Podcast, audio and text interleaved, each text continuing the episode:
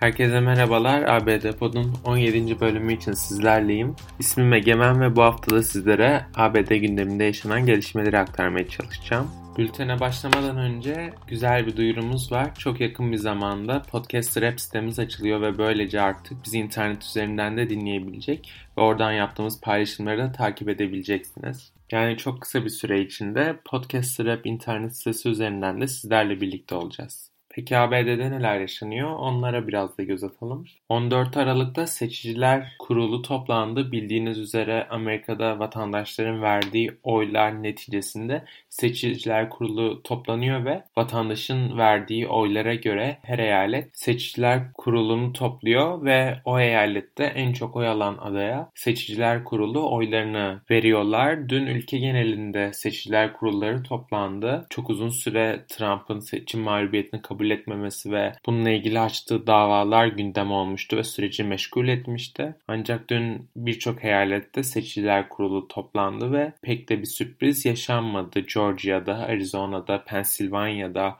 Michigan'da seçiciler kurulları halkı şaşırtmadı. Halkın verdiği oylar neticesinde bu eyaletlerde Joe Biden seçildi ve Joe Biden 306 tane seçiciler kurulu üyesi oyuna ulaştı ve Amerika başkanı olması için zaten gerekli olan sayı 270'te. Yani Biden istenen sayının üstüne de çıkarak aslında resmi olarak Amerikan başkanlık seçimlerini kazanmış oldu. Seçiciler kurulundaki üyeler aslında daha çok parti üyeleri ve sivil toplum liderlerinden oluşuyor. Dolayısıyla bazı eyaletlerde tanıdığımız isimler vardı seçiciler kurulunda. Örneğin New York'ta dünya tarafından tanınan, yakından tanınan iki isim Bill ve Hillary Clinton çifte seçiciler kurulu üyesi olarak Biden lehine oylarını verdiler. Aslında bu biraz da dikkat çekici bir durumdu çünkü Hillary Clinton 2016 2016'da Donald Trump'a mağlup olan Demokrat adaydı.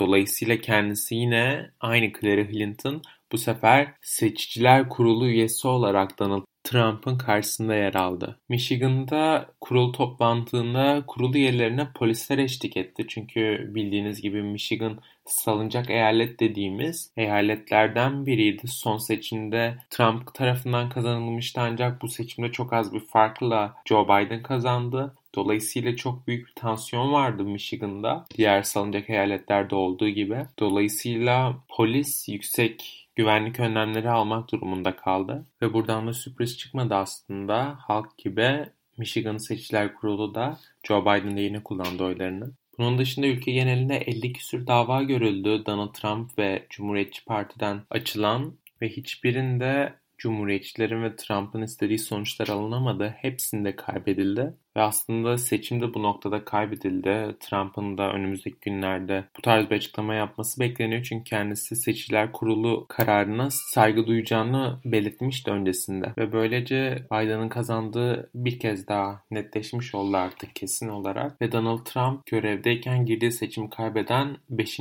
başkan oldu Amerikan tarihindeki. Dün beklenmedik bir gelişme aslında Putin'in Biden'ı tebrik etmesiydi. Çünkü uzun zamandır çok fazla dünya lideri arayıp Biden'ı tebrik etmişken Putin ve Rusya cephesinden aslında ses yoktu. Dolayısıyla dünkü seçiciler kurulu kararından sonra Putin de Biden'ı arayarak seçim zaferini tebrik etti. Bunun dışında Türkiye-ABD gerilimi yaşandı. ABD'den yeni bir S-400 ambargosu geldi ve Savunma Sanayi Başkanı İsmail Demir'i yaptırım listesine eklediler. Türkiye'den buna tepkiler geldi. Fuat Oktay savunma sanayisi konusunda kararlı olduğunu Türkiye'nin bir kez daha belirtti. Cumhurbaşkanı Tayyip Erdoğan yaptırım değil terörle mücadele konusunda Amerika'dan destek beklediklerini ifade etti. İsmail Demir ise Cumhurbaşkanımız R.T. Erdoğan'ın liderliğinde tam bağımsız savunma sanayi hedefimizde kararlıyız. Şahsım ve kurumumuza yönelik yurt dışında alınan herhangi bir karar benim ve ekibimin duruşunu değiştirmeyecek, Türk savunma sanayini hiçbir şekilde engelleyemeyecektir ifadelerini Twitter'dan paylaştı. Bültenimiz bu hafta bu kadardı. Haftaya görüşmek üzere.